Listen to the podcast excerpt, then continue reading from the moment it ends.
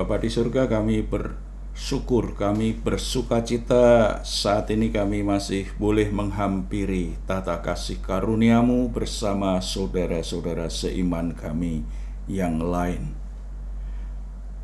Kami mohon pengertian dari kebenaran firman Tuhan yang akan kami dengar saat ini.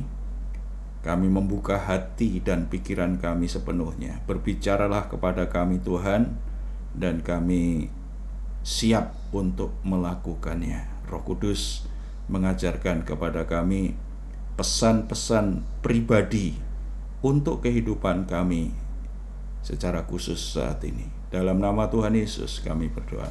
Amin. Salam, saudara-saudara yang dikasih oleh Tuhan Yesus Kristus. Kita masuk bulan Februari arah pertumbuhan kita selama bulan Februari ini adalah dari surat 2 Korintus. Saat ini kita akan melihat ada satu identitas yang penting bagi orang Kristen yang harus kita pahami, yaitu orang Kristen adalah surat Kristus yang terbuka. Di generasi saya ke atas begitu terbiasa menulis surat. Ketika ingin berkomunikasi dengan saudara, dengan teman di luar kota, begitu beda jarak, kita biasa nulis surat.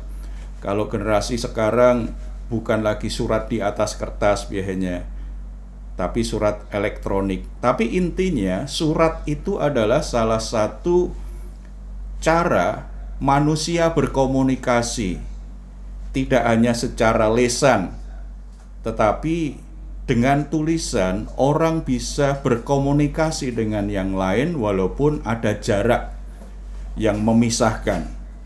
Surat itu seperti itu fungsinya, menyampaikan satu pesan kepada orang lain lewat tulisan. Sangat menarik karena orang Kristen disebut oleh Alkitab itu sebagai surat Kristus. Dari 2 Korintus pasal 3 ayat 3 kita bisa baca demikian.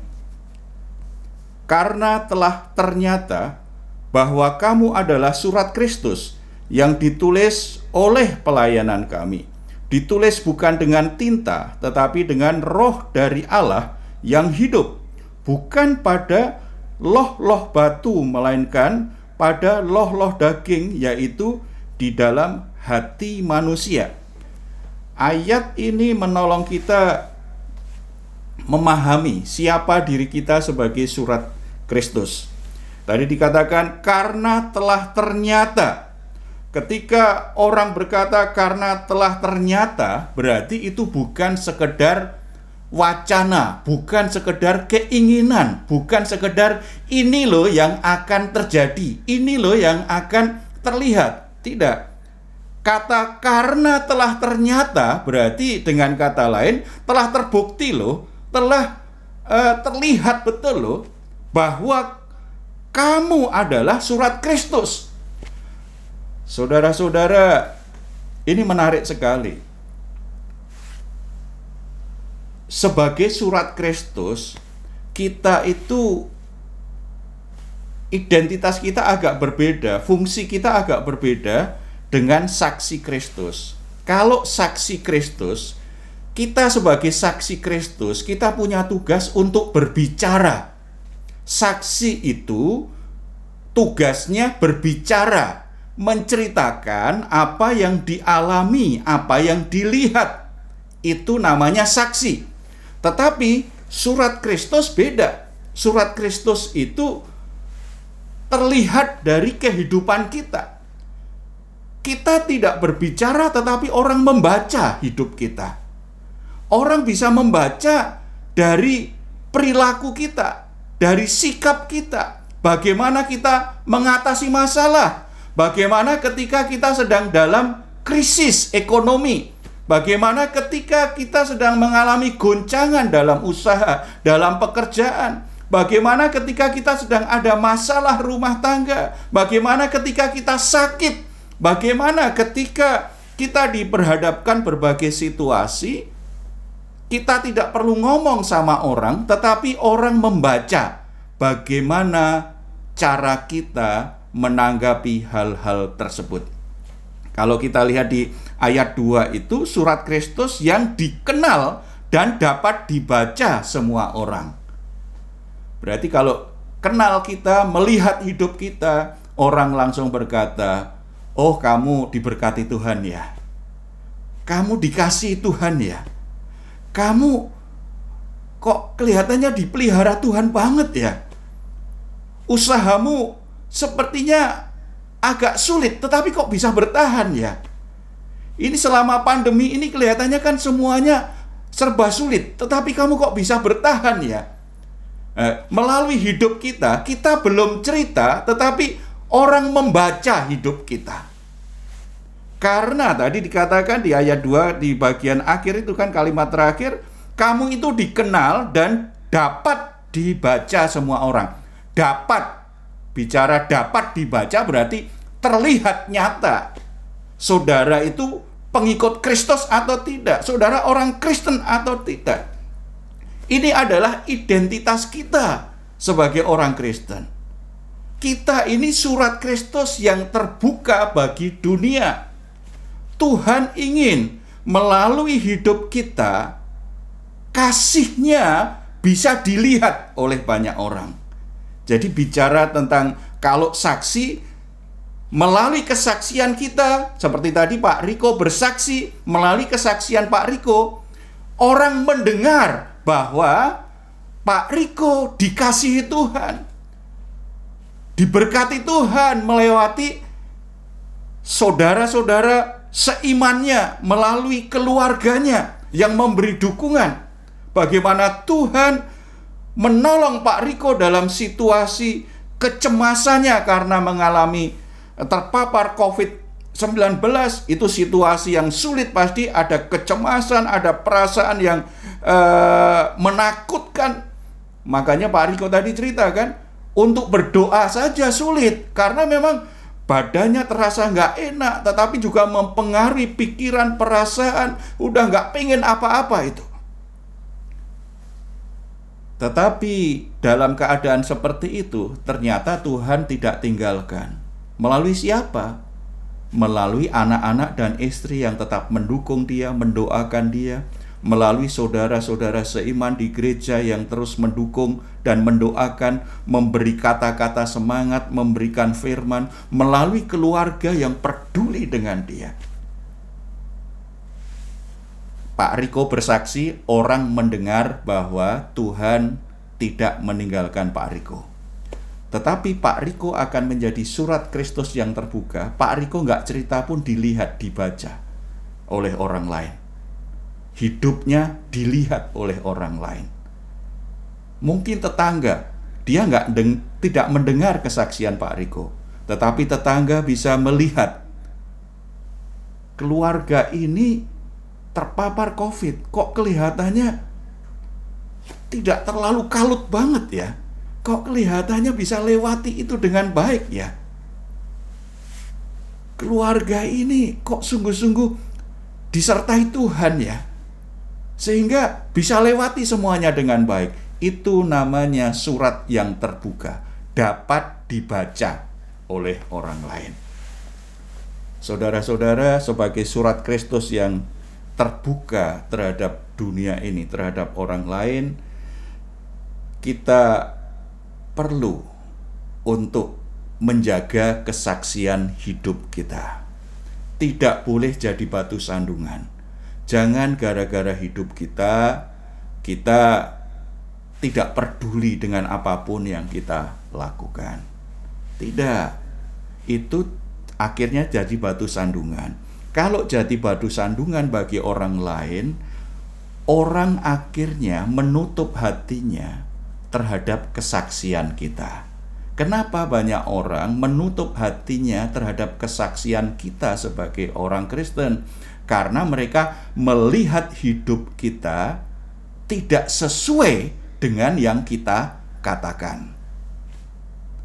Kita berkata, mungkin kita bersaksi, kita berkata kepada orang lain, "Ikut Tuhan, kamu tidak akan khawatir." Ikut Tuhan itu damai, ikut Tuhan itu hati tenang. Tetapi kalau mereka sering melihat kita khawatir karena kita musa kalau kita punya masalah kita jadi kelihatan galau kita kelihatan susah hati kita kelihatan khawatir. Itu namanya batu sandungan. Orang yang melihat kita kemudian kita berkata eh dalam Tuhan ada damai sejahtera. Nggak akan percaya. Sebab kita yang jadi surat Kristus tidak memperlihatkan catatan Tuhan bahwa hidup kita terpelihara Buktinya apa? Orang melihat segala kekhawatiran dan kecemasan kita.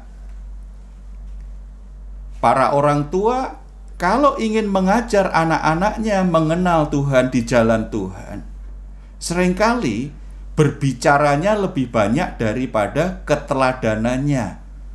Ini yang membuat banyak anak-anak kadang-kadang jadi tersandung dengan kehidupan orang tuanya membuat mereka akhirnya mempertanyakan iman yang diajarkan orang tuanya. Apa yang kita katakan, kita ajarkan kepada anak kita, itu harus kita lakukan di rumah, sehingga anak kita mendengar pengajaran tentang iman dan melihat kehidupan kita, maka mereka diteguhkan imannya bahwa yang dikatakan papa mama itu benar.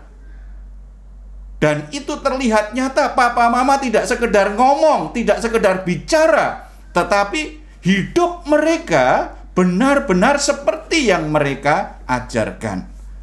Nah, kalau bisa seperti ini, maka anak akan tahu jalan Tuhan yang sedang kita jalani. Kenapa banyak anak-anak keluarga Kristen setelah itu menyimpang dari jalan Tuhan? Karena mereka melihat orang tuanya tidak melakukan yang mereka ajarkan. Kita ini surat terbuka Kristus. Ada catatan-catatan, ada kisah-kisah hidup kita itu merupakan catatan tentang perbuatan Tuhan tentang kasih Tuhan. Itu harus terlihat nyata. Sekarang kita lihat bagaimana Tuhan menulis menuliskan kisahnya itu dalam hidup kita. Kita kembali kepada ayat 3 ya. Karena telah ternyata bahwa kamu adalah surat Kristus yang ditulis oleh pelayanan kami.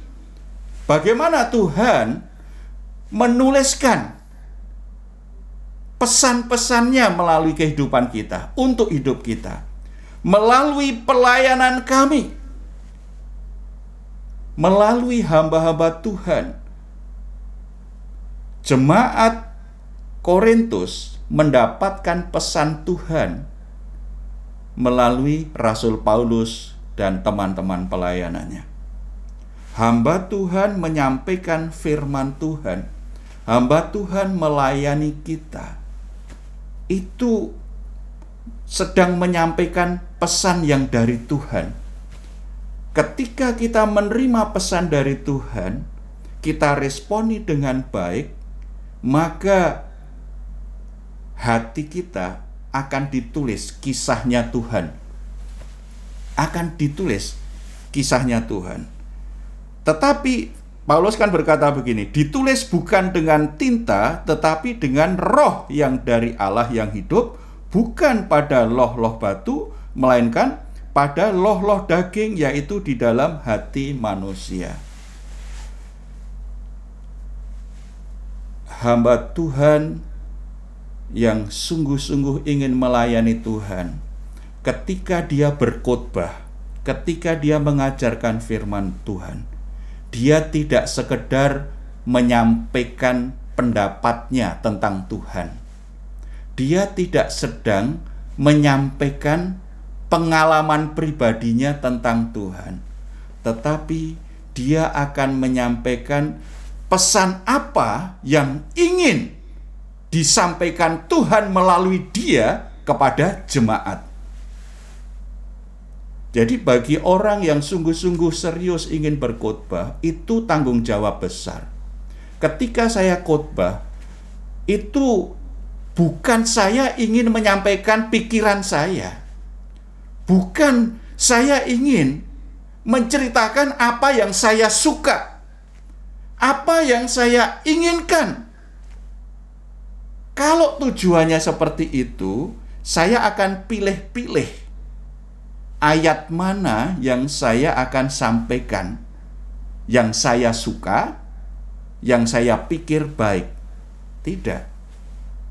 Tanggung jawab pemberita firman Tuhan adalah berdoa sungguh-sungguh melalui perikop yang akan disampaikan, melalui ayat yang akan disampaikan Tuhan ingin menyampaikan apa melalui dirinya kepada jemaat. Makanya kalau menyampaikan firman Tuhan saya benar-benar belajar mengosongkan pikiran. Saya hanya pengen tahu maksud dari ayat ini apa. Maksud ayat ini apa? Yang dimaksud oleh Tuhan melalui tulisan itu apa? Karena surat Tuhan yang sempurna yang tertulis dalam bentuk buku ada di Alkitab. Dan Tuhan ingin yang tertulis dalam buku dalam Alkitab ini itu sekarang dituliskan di dalam hati manusia, di dalam hati jemaat. Tadi kan bukan di dalam loh daging, tetapi di dalam hati manusia. Bagaimana tanggung jawab saya sebagai hamba Tuhan ketika berkhotbah itu apa? saya sedang menyampaikan pesan Tuhan. Saya ingin bisa supaya saya bisa menuliskan pesan Tuhan itu di hati saudara. Bukan sekedar membuat saudara suka dengan saya. Tidak. Saya khotbah, saya ingin disukai Tuhan, bukan disukai manusia, tetapi saya akan memperhatikan kebutuhan saudara benar. Makanya saya coba menyampaikan firman Tuhan sejelas-jelasnya seperti yang dimaksud Tuhan tetapi sejelas-jelasnya dengan kata yang sederhana. Saya akan menghindari kesan supaya saya kelihatan pinter. Di surat 1 Korintus Paulus berkata, ketika dia datang kepada jemaat Korintus, saya datang sebagai orang yang bodoh. Padahal dia pintar sekali loh. Saya datang sebagai orang yang bodoh karena saya hanya perlu tahu siapa Yesus Kristus. Apakah Injil itu? Apa yang dimaksud firman Tuhan itu? Karena kebutuhan manusia yang harus disampaikan lewat mimbar gereja itu adalah firman Tuhan, bukan pendapat manusia. Firman Tuhan yang ditulis di Alkitab, supaya firman Tuhan yang ditulis di Alkitab sekarang tertulis di dalam hati kita. Kalau sudah tertulis di hati kita, maka hidup kita pasti berubah. Maka sikap kita pasti berubah. Cara berpikir kita pasti berubah. Perilaku kita pasti berubah. Perbuatan kita pasti berubah. Karena kalau firman Tuhan itu tertulis di hatimu, tidak mungkin saudara tidak bertobat. Tidak mungkin saudara tetap dalam dosamu. Tidak mungkin saudara hidupmu sama terus sama seperti yang dahulu-dahulu. Saudara pasti akan berubah hari demi hari. Karena firman Tuhan itu memperbaharui. Firman Tuhan itu menyucikan pikiran kita dari dosa, pikiran-pikiran yang jahat dan berdosa. Firman Tuhan itu akan memerdekakan kita dari ikatan-ikatan kuasa gelap dan kuasa dosa. Jadi tanggung jawab para hamba Tuhan dan ini saya dorong untuk para pengkhotbah yang di Harmoni juga begitu. Kalau khotbah hindari pengen kelihatan pinter. Pengen kelihatan lebih baik dari orang lain. Pengen disukai orang. Tidak, kalau khotbah itu buka hati dulu. Firman Tuhan ini harus ditulis di hati kita dulu sehingga ketika kita menyampaikan kita menyampaikan dari hati kita dari hati kita yang tulus dan yang kita sampaikan adalah apa yang dimaksud oleh Tuhan melalui kata-kata yang tertulis di Alkitab yang kita khotbahkan. Jadi Bapak Ibu Saudara jemaat harmoni yang dikasih Tuhan, jangan anggap sepele pemberitaan firman Tuhan. Jangan hanya sekedar mendengar firman Tuhan dan hanya pengen tahu apa maksud firman Tuhan. Kalau saudara ingin hidupmu diubahkan oleh Tuhan hari demi hari, kalau saudara mengalami ingin mengalami kemerdekaan dalam Kristus, saudara tidak mudah stres, saudara tidak mudah takut dan khawatir. Ada damai sejahtera, ada kekuatan di hatimu untuk melewati masalah-masalahmu. Saudara makin lama menjadi orang yang baik, pikiranmu semakin baik, keinginanmu semakin selaras dengan maksud Tuhan. Maka setiap saudara mendengar firman Tuhan, saudara sungguh-sungguh, saudara-saudara, setiap dengar firman Tuhan, buka pikiran, buka hati. Pastikan firman Tuhan itu sampai di hatimu. Jangan hanya sampai di kepalamu, tapi sampai di hatimu. Kalau sudah sampai di hatimu, itu yang namanya saudara beriman kepada firman Tuhan. Karena dengan hati kita percaya, bukan dengan pikiran. Kalau iman itu percaya dengan hati. Kalau dalam pikiran itu baru tahu, tetapi yang disebut iman itu percaya dari hati. Kalau sudah sampai hati, pasti pikiran, perilaku, sikapmu berubah. Jadi saudara-saudara, siapa yang menulis, siapa yang dipakai Tuhan untuk menuliskan itu? Hamba-hamba Tuhan yang melayani kita. Saudara, beri tanggapan yang positif setiap hamba-hamba Tuhan yang melayani saudara. Mereka dipakai Tuhan untuk menuliskan tentang perbuatan kasih, perbuatan Tuhan yang ajaib, tentang pimpinan Tuhan, tentang hal-hal yang membuat hidupmu menjadi orang lebih baik ke depan. Siapa pesan itu disampaikan oleh hamba Tuhan yang melayani kita, maka responi, tanggapi dengan baik hamba-hamba Tuhan yang memberitakan firman Tuhan. Siapa saja. Karena jelas sekali kan ditulis oleh pelayanan kami Ditulis oleh siapa? Oleh pelayanan hamba Tuhan yang melayani kita. Hidup saya menjadi surat terbuka dilihat oleh banyak orang bagaimana Tuhan bekerja dalam hidup saya. Kok saya bisa sampai alami hal-hal yang seperti itu? Misalnya hal-hal yang baik, hal-hal yang ajaib, hal-hal yang menyatakan pekerjaan Tuhan yang besar.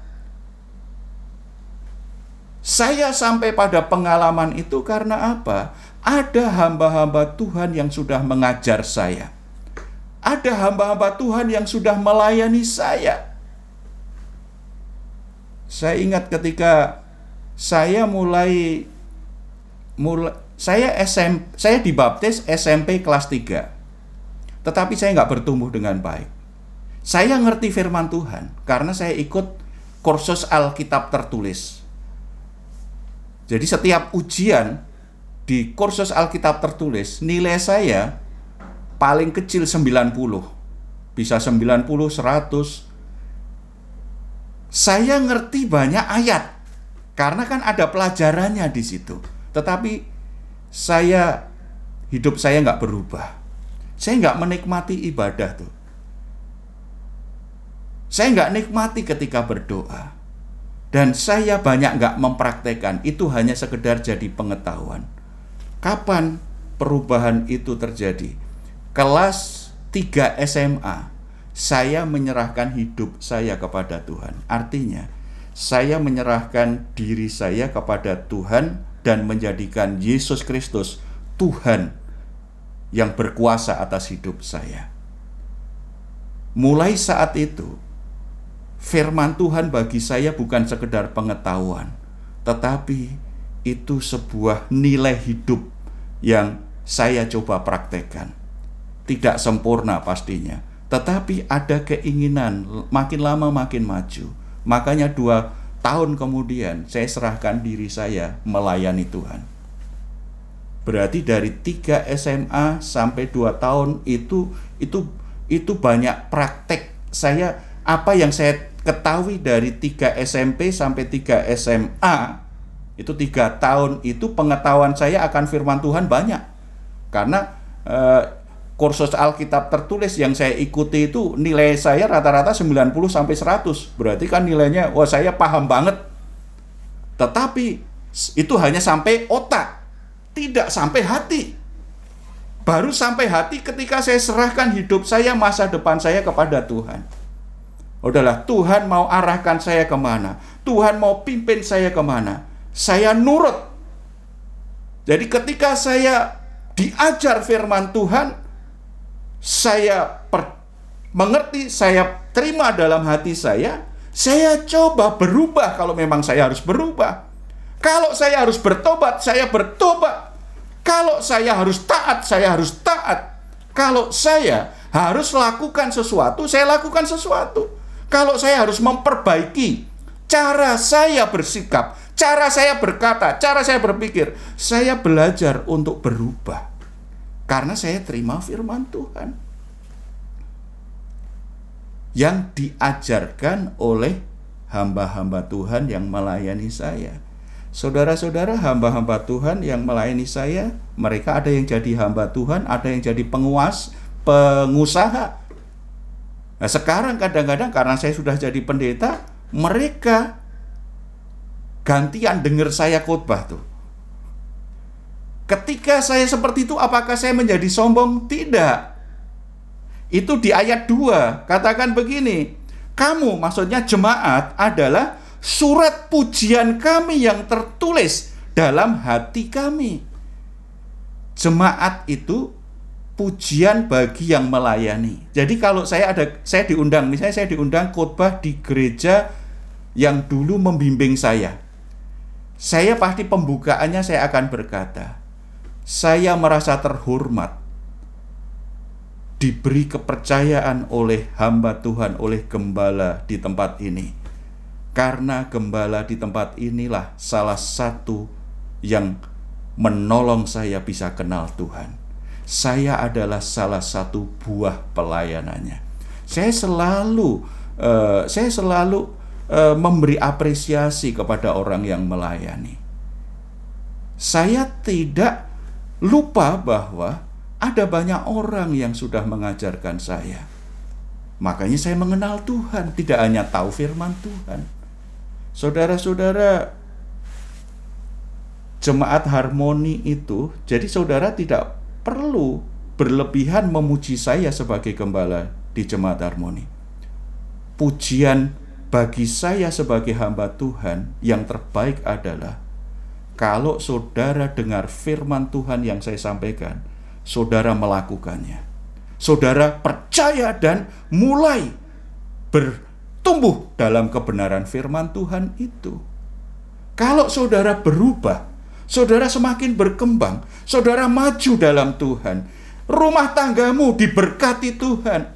Itu di hati saya saudara menjadi catatan pujian di hati saya. Seperti Paulus berkata kan, kamu itu surat pujian di hatiku. Jadi sukacita terbesar hamba Tuhan yang melayani itu kalau yang dilayani hidupnya berubah. Kalau hidup saudara diberkati Tuhan. Kalau rumah tangga saudara sejahtera kalau hidupmu makin lama semakin berjalan dalam rencana Tuhan, itu sukacita di hati hamba-hamba Tuhan yang melayani. Itu sukacita. Paulus berkata surat pujian. Jadi surat pujian yang saudara berikan kepada saya sebagai gembala, kepada para penginjil sebagai pemberita firman Tuhan adalah kalau saudara dengar khotbah ini saudara respon dengan baik, saudara menerimanya di dalam hatimu, percaya, lakukan. Ketika saudara lakukan, kami sangat bersyukur sekali di hadapan Tuhan pasti. Membuat hati kami semakin semangat untuk melayani Tuhan. Karena yang kami lakukan ternyata tidak sia-sia. Bisa membuat hidup orang jadi lebih baik. Ketika menulis ini, Paulus dipertanyakan loh kerasulannya. Makanya dia menulis lagi surat 2 Korintus ini jemaat Korintus ada sebagian itu meragukan panggilan Paulus sebagai rasul. Ah, dia itu mengada-ada aja itu. Itu menyalahgunakan. Dia sebenarnya bukan rasul itu. Jadi ada orang yang meragukan jabatan kerasulan Paulus. Tetapi Paulus menulis surat bukan dengan kemarahan, bukan dengan kebencian. Makanya dia bilang, aku nggak butuh itu surat pengakuan. Sebab sebenarnya ada surat pujian. Jadi aku tidak perlu ada surat pujian yang menyatakan bahwa aku sungguh-sungguh rasul yang sejati dalam Yesus Kristus. Tidak. Sebab surat pujian kami itu ada di hati kami. Apa yang ada di hati kami? Kalian jemaat yang kami layani. Sejak kalian tidak kenal Tuhan, kemudian kalian bisa kenal Tuhan Yesus, Kalian jadi murid Kristus, kalian mulai melayani, kalian mulai lakukan sesuatu yang baik sebagai orang Kristen. Walaupun masih di sana sini ada kekurangan, tetapi bagi saya kalian adalah surat pujian yang Tuhan kasih di hati saya. Itu bagi orang-orang yang melayani. Makanya bagi yang melayani ya, guru sekolah minggu, penginjil, siapa pun saudara yang melayani Jangan cari pujian manusia, tapi rindukan yang saudara layani hidupnya diubahkan oleh pelayananmu. Ketika hidupnya diubahkan oleh pelayananmu, itu menjadi surat pujian yang Tuhan taruh di hatimu. Jadi saudara-saudara sebagai surat terbuka bagi Kristus, mari setiap kita yang pertama jaga kesaksian hidup kita di tengah-tengah lingkungan kita, di tengah-tengah keluarga kita. Jangan jadi batu sandungan bagi orang lain.